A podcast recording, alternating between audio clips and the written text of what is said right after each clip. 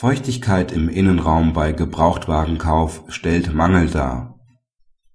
Für die Beurteilung, ob ein Mangel als geringfügig im Sinne des § 323 Absatz 5 Satz 2 BGB einzustufen ist, kommt es auf den Zeitpunkt der Rücktrittserklärung des Käufers an.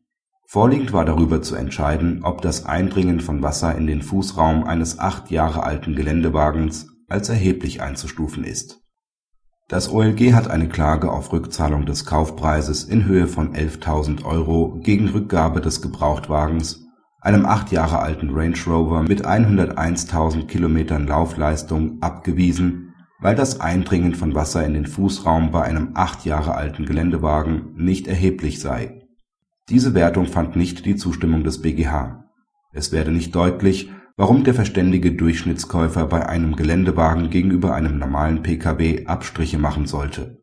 Außerdem handele es sich bei dem Fahrzeug Typ Range Rover um ein luxuriöses Fahrzeug, bei dem das Eindringen von Feuchtigkeit nicht hinzunehmen ist.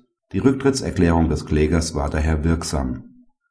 Darauf, dass im Verfahren der gerichtlich bestellte Sachverständige den Mangel zumindest provisorisch beseitigt hat, kommt es nicht an, da der Zeitpunkt der Rücktrittserklärung entscheidend ist zu diesem Zeitpunkt war die Gebrauchstauglichkeit des Fahrzeugs dadurch eingeschränkt, dass aus bis dahin ungeklärter Ursache an mehreren Stellen Feuchtigkeit in das Wageninnere eindrang und zwei Fachbetriebe nicht in der Lage waren, Abhilfe zu schaffen. Praxishinweis Der BGH stellt in diesem Urteil klar, dass es für die Frage, ob ein Mangel vorliegt, auf den Zeitpunkt der Rücktrittserklärung ankommt. Etwas anderes kann unter Umständen nur gelten wenn der Fehler mit Zustimmung des Klägers im Verfahren behoben wird. Hierfür reicht es aber nicht aus, dass der Kläger im Verfahren keine Einwände gegen einen Mangelbeseitigungsversuch eines gerichtlichen Gutachters erhebt